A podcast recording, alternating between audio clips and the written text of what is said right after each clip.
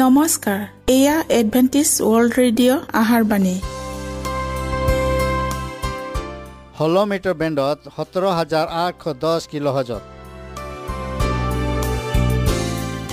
Adventist World Radio যোগে অসমীয়া ভাষাত প্ৰচাৰিত আহাৰ বাণী প্ৰত্যেক বুধবাৰ আৰু দেওবাৰ সন্ধিয়া সাত বজাত আহাৰ বাণী শুনাৰ পিছত আপোনালোকৰ কিবা মন্তব্য আৰু প্ৰশ্ন থাকিলে আমালৈ এই ঠিকনাত লিখক। আমাৰ ঠিকনাটি হৈছে Adventist World Radio' Seventh Day Adventist মণ্ডলী অসম শাখা লতাকাটা বশিষ্ট গুৱাহাটী সাত আঠ এক শূন্য দুই ন।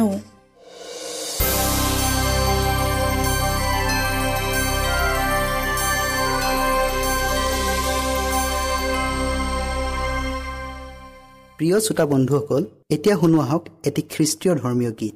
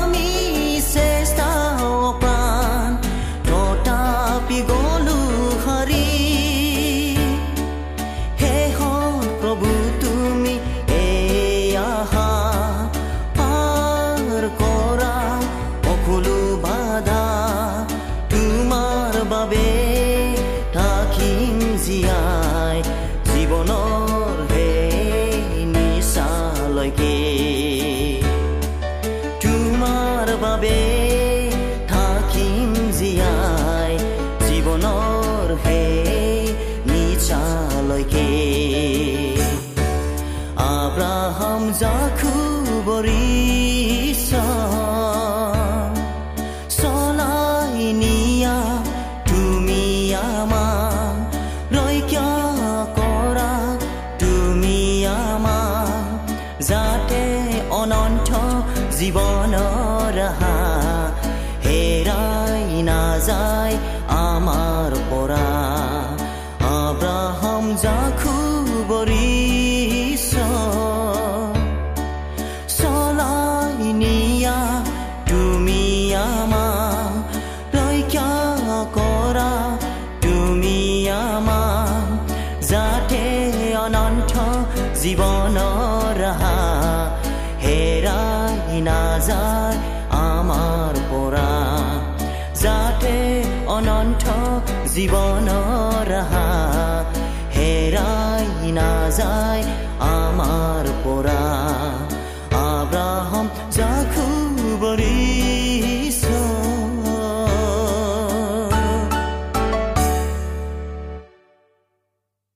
প্ৰিয় শ্ৰোতা বন্ধুসকল আহক আমি খন্তেক সময় বাইবেল অধ্যয়ন কৰোঁ হওক।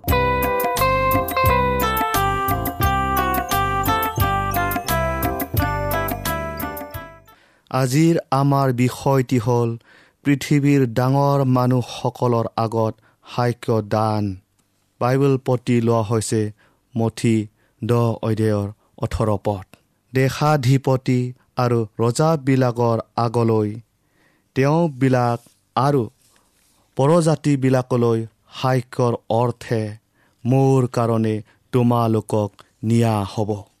বিষয়টি আগবঢ়োৱাৰ আগত আমি প্ৰাৰ্থনা কৰোঁ হওক। স্বৰ্গত থকা অতি দয়াময় ঈশ্বৰ জেহুৱা ধন্যবাদ প্ৰভু তোমাৰ অনুগ্ৰহ আৰু আশীৰ্বাদৰ বাবে। প্ৰভু আমি যি বিষয়টি অধ্যয়ন কৰিবলৈ আগবঢ়াইছোঁ সেই বিষয়টিলৈ জানিবলৈ আমাক জ্ঞান আৰু বুদ্ধি দিয়া। প্ৰত্যেক শ্ৰোতাৰ লগত পবিত্ৰ আত্মাৰ যোগেদি তেওঁলোকৰ হৃদয় স্পৰ্শ কৰি দিয়া। যীশুৰ নামত খুজিলোঁ আমেন। সেই সময় আৰু আমাৰ পৰা বৰ বেছি দূৰত নাই। যি সময়ত ঈশ্বৰৰ লোকবিলাকক তেওঁবিলাকৰ সাক্য প্ৰদান কৰিবলৈ তেওঁবিলাকক পৃথিৱীৰ শাসনকৰ্তাসকলৰ সন্মুখত উপস্থিত কৰা হ'ব। কিমান দ্ৰুত গতিত আমি আমাৰ ইতিহাসৰ মহাসংকটৰ ফালে অগ্ৰসৰ হৈছোঁ তাক বিছজনৰ মাজত এজনৰো উপলব্ধি হোৱা নাই।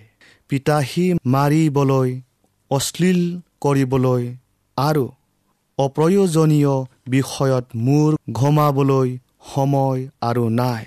ৰজাসকলে ৰাজ্যপালসকলে আৰু ডাঙৰ ডাঙৰ মানুহবিলাকে এনে মানুহৰ বাৰ্তাৰ মাজেদি আপোনাৰ বিষয়ে খবৰ সংগ্ৰহ কৰিব যিসকল আপোনাৰ মহাশত্ৰু আৰু আপোনাৰ বিশ্বাস আৰু চৰিত্ৰৰ বিষয়ে তেওঁবিলাকৰ আগত ভুলকৈ উপস্থাপন কৰা হ'ব। কিন্তু যিসকলক মিছাকৈ অপবাদ দিয়া হ'ব তেওঁবিলাকে তেওঁবিলাকৰ অপবাদক সকলক নিজে উত্তৰ দিবলৈ এক সুন্দৰ সুযোগ পাব। পৃথিৱীত যিসকলক ডাঙৰ মানুহ বুলি জনা যায় তেওঁবিলাকৰ আগত সত্যতাৰ পোহৰ বিলাবলৈ তেওঁবিলাকে সুযোগ লাভ কৰিব। আৰু আপুনি যদি বাইবেলখন অধ্যয়ন কৰিলে তেন্তে আপোনাৰ লগত থকা আশাৰ বিষয়ে সোধা প্ৰতিজনৰ প্ৰশ্নৰ উত্তৰ নম্ৰতা আৰু সম্ভ্ৰমেৰে দিবলৈ আপুনি সাজু হৈ থাকিব। আপোনাৰ শত্ৰুসকলে আপোনাৰ জ্ঞানক অস্বীকাৰ কৰিবলৈ সমৰ্থ নহ'ব। ঈশ্বৰৰ বাক্য অধ্যয়ন কৰাৰ মাজেৰে আপুনি মহান বুদ্ধিদীপ্ত মানসিক শক্তি লাভ কৰিবলৈ সুবিধা পাব। কিন্তু আপুনি যদি এলেহুৱা আৰু সত্যতাৰ খনিটোক দকৈ খান্দিবলৈ অসফল হ'ল তেন্তে আপুনি সেই সংকটৰ বাবে নিজকে প্ৰস্তুত কৰা নাই। যি অতি সোনকালে আমাৰ ওপৰত পৰিবহি। প্ৰতিটোখন যে সোণতকৈও অধিক মূল্যৱান তাক আপুনি উপলব্ধি কৰা হ'লে কেনে ভাল আছিল? আপুনি যদি ঈশ্বৰৰ মুখৰ পৰা ওলোৱা প্ৰতিটো বাইকৰ দৰে জীৱন নিৰ্বাহ কৰা হ'লে আপোনাক অপ্ৰস্তুত অৱস্থাত থকা কেতিয়াও দেখা পোৱা নগ'লহেঁতেন। সত্যতাৰ বিষয়ে সাক্ষ্য দিবলৈ আপোনাক ক'ত মাতিব তাক আপুনি নাজানিব। বহুতে আইন আদালতত থিয় হ'ব লাগিব। কিছুমানে ৰজাসকলৰ সন্মুখত থিয় হ'ব লাগিব। আৰু পৃথিৱীৰ গণ্য মান্য লোকসকলৰ আগত থিয় হৈ নিজৰ বিশ্বাসৰ বিষয়ে ব্যাখ্যা কৰিব লাগিব। যিসকলে সত্যতাৰ বিষয়ে এনেই উপৰুৱাকৈ বুজি লৈছে তেওঁবিলাকে শাস্ত্ৰ বাক্যৰ বিষয়ে স্পষ্টকৈ ব্যাখ্যা দিবলৈ অসমৰ্থ হ'ব আৰু তেওঁবিলাকে কি বিশ্বাস কৰিছে তাৰ নিৰ্দিষ্ট কাৰণ দৰবাহ দৰ্শাব নোৱাৰিব। তেওঁবিলাকে বিবুদ্ধিত পৰিব আৰু এনে নিপুণ কৰ্মবীৰ হ'ব নোৱাৰিব যি লাজত নপৰে। কোনো মানুহে এইদৰে নাভাবক যে তেওঁৰ বাবে বাইবেল অধ্যয়নৰ প্ৰয়োজন নাই কাৰণ তেওঁ এজন প্ৰচাৰক নহয়। ঈশ্বৰে আপোনাৰ পৰা কি বিচাৰে আপুনি তাক নাজানেনে? আমোচ চাৰি অধ্যায়ৰ বাৰ পদটো আমি পঢ়োঁ হওক। হে ইজৰাইল এইকাৰণে মই তোমালৈ এইবোৰ ব্যৱহাৰ কৰিম আৰু মই তোমালৈ এইদৰে ব্যৱহাৰ কৰিম দেখি। হে ইজৰাইল তুমি তোমাৰ ঈশ্বৰৰ লগত সাক্ষাৎ কৰিবলৈ যুগুত হোৱা। মহাক্লেশৰ সময় চোৱাত ধৰ্মধামত এজন মহা পুৰুষিত নথকা অৱস্থাত। ঈশ্বৰৰ দৃষ্টিত জীয়াই থাকিবলৈ আমি কেনে হোৱা উচিত তাক বহুতে উপলব্ধি কৰিব পৰা নাই। যিসকলে জীৱন্ত ঈশ্বৰৰ চাপ পালে আৰু মহাক্লেশৰ সময়ৰ বাবেও সুৰক্ষিত হ'ল তেওঁবিলাকে যীশুৰ প্ৰতি মূৰ্তিক সম্পূৰ্ণকৈ প্ৰতিফলিত কৰিবই লাগিব। তেওঁবিলাকৰ সাজ পোছাক দাগ নথকা হ'ব লাগিব। তেজৰ দ্বাৰা ধোৱা হৈ তেওঁবিলাকৰ চৰিত্ৰ পাপৰ পৰা আঁতৰি সম্পূৰ্ণৰূপে সুস্বীকৃত হ'ব লাগিব। ঈশ্বৰৰ অনুগ্ৰহৰ যোগেদি আৰু তেওঁবিলাকৰ নিজৰ যত্ন আৰু প্ৰচেষ্টাৰে অধাৰ্মিকতা আৰু অসত্যতাৰ লগত চলি থকা যুদ্ধত তেওঁবিলাক বিজয়ী হ'বই লাগিব।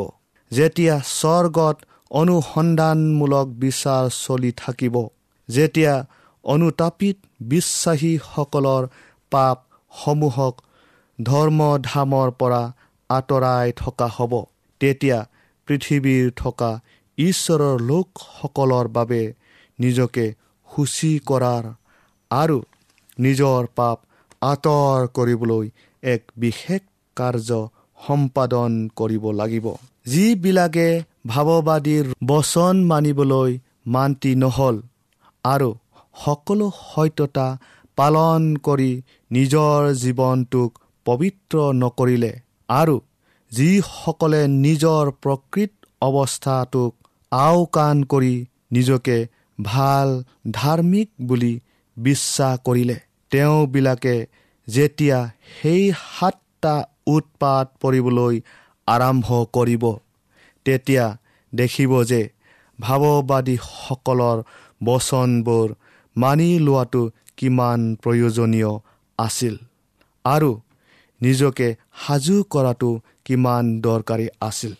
প্ৰতিটো বিৰক্তিজনক কাম গৰ্ব অহংকাৰ স্বাৰ্থপৰতা জগতৰ প্ৰতি লোভ আৰু প্ৰতিটো অশ্লীল আৰু বেয়া কথা আৰু বেয়া কাম এইবোৰৰ ওপৰত জয় কৰিব নোৱাৰা পৰ্যন্ত কোনেও সেই সঞ্জীৱনী শক্তি শেহতীয়া বৰষুণ লাভ কৰিবলৈ সক্ষম নহ'ল। প্ৰিয় শ্ৰোতা বন্ধুসকল সেইকাৰণে আমি প্ৰভুৰ অতি ওচৰলৈ চাপি যোৱা উচিত আৰু প্ৰভুৰ সেই মহাদিনৰ যুদ্ধত থিয় হ'বলৈ নিজকে প্ৰস্তুত কৰাৰ প্ৰয়োজনীয় কাৰ্যখিনিক আন্তৰিক প্ৰচেষ্টাৰে সমাপন কৰিব লাগিব। ঈশ্বৰ যে অতি পবিত্ৰ আৰু কেৱল পবিত্ৰ লোকেহে যে তেওঁৰ উপস্থিতিত বাস কৰিব পাৰে এই কথাটোক যেন সকলোৱে মনত ৰাখে। খ্ৰীষ্টই আপোনালোকক আশীৰ্বাদ কৰক।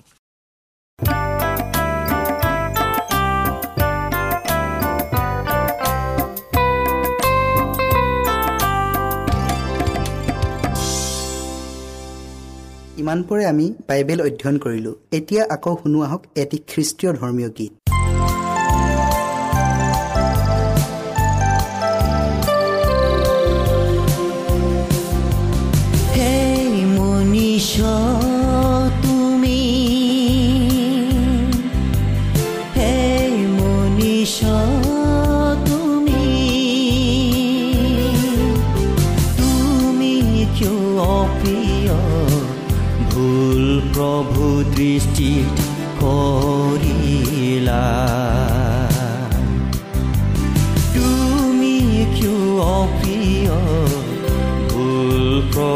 দৃষ্টি কৰিলা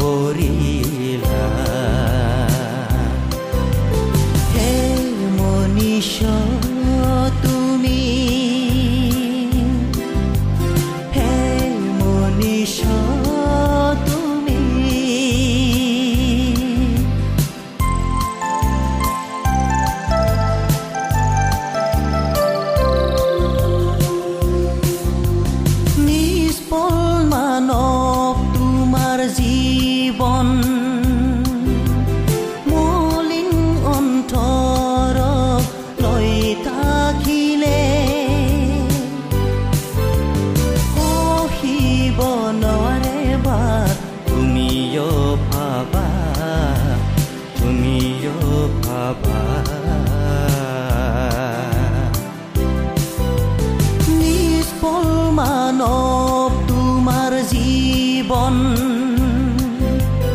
মলিন অন্তৰ লৈ থাকিলে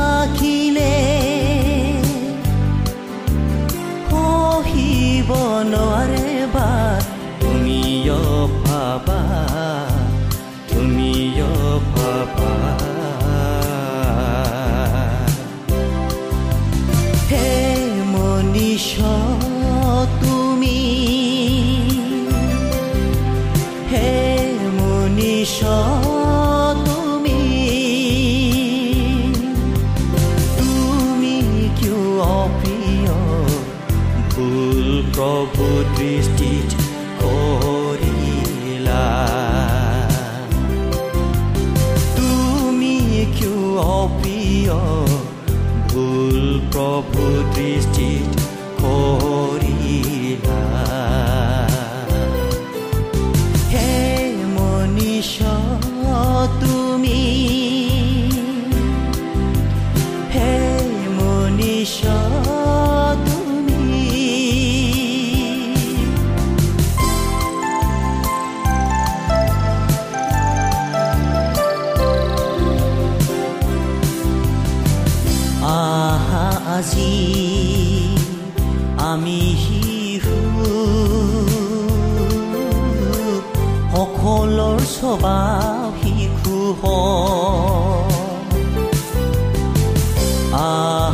আজি আমি বিশ্বাসযোগ্য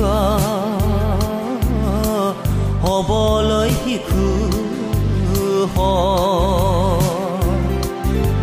আহা আজি আমি শিশু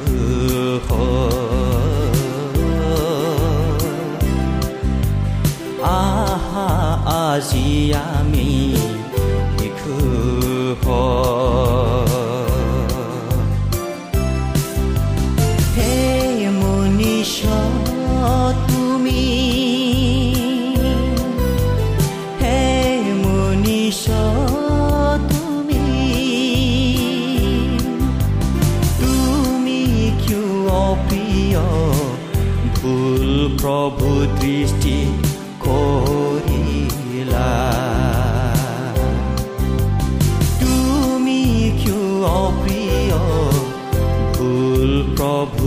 প্ৰভু দৃষ্টি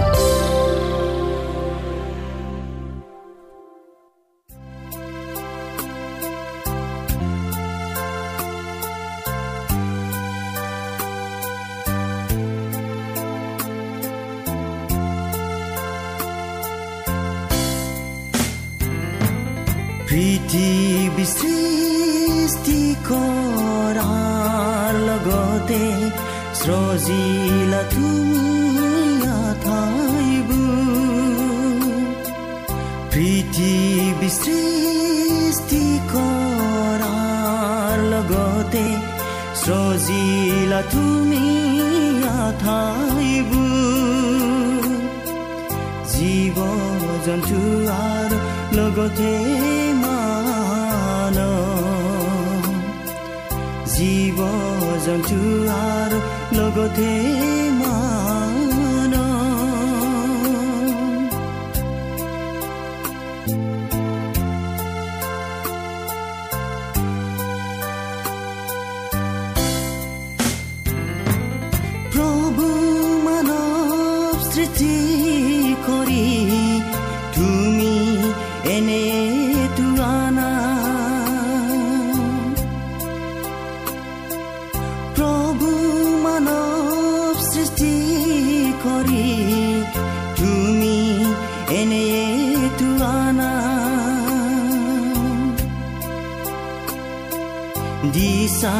কৰিব হাত ভৰি। দিশা কৰিব হাত ভৰি।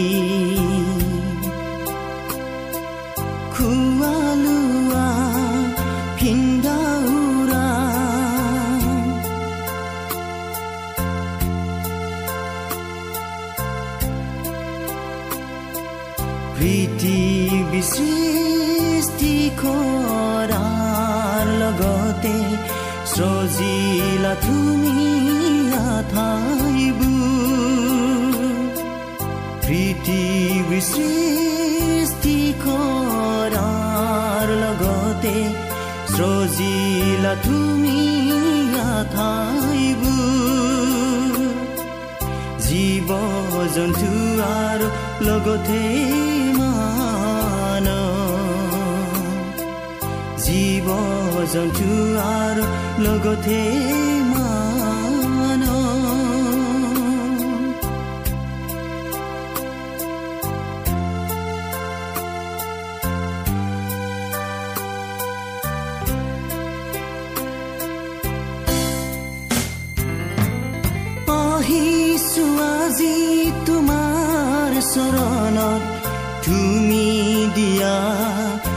সকলো ধনেৰে।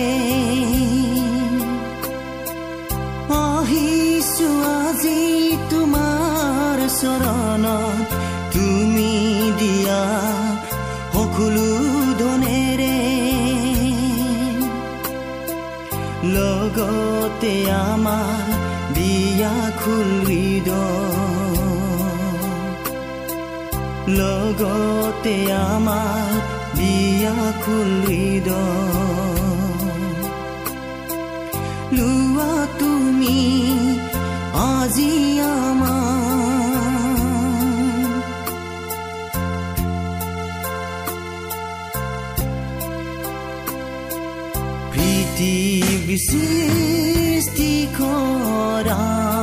লগতে সজিলা তুমি আঠাইবোৰ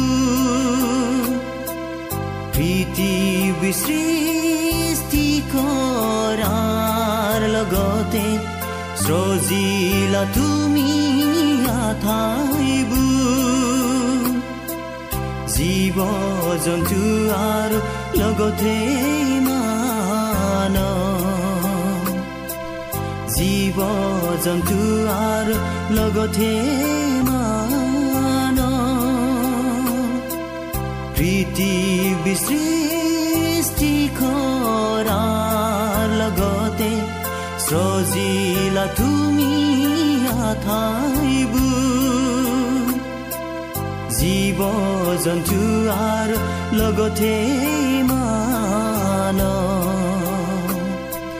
জীৱ জন্তু আৰু লগতে মান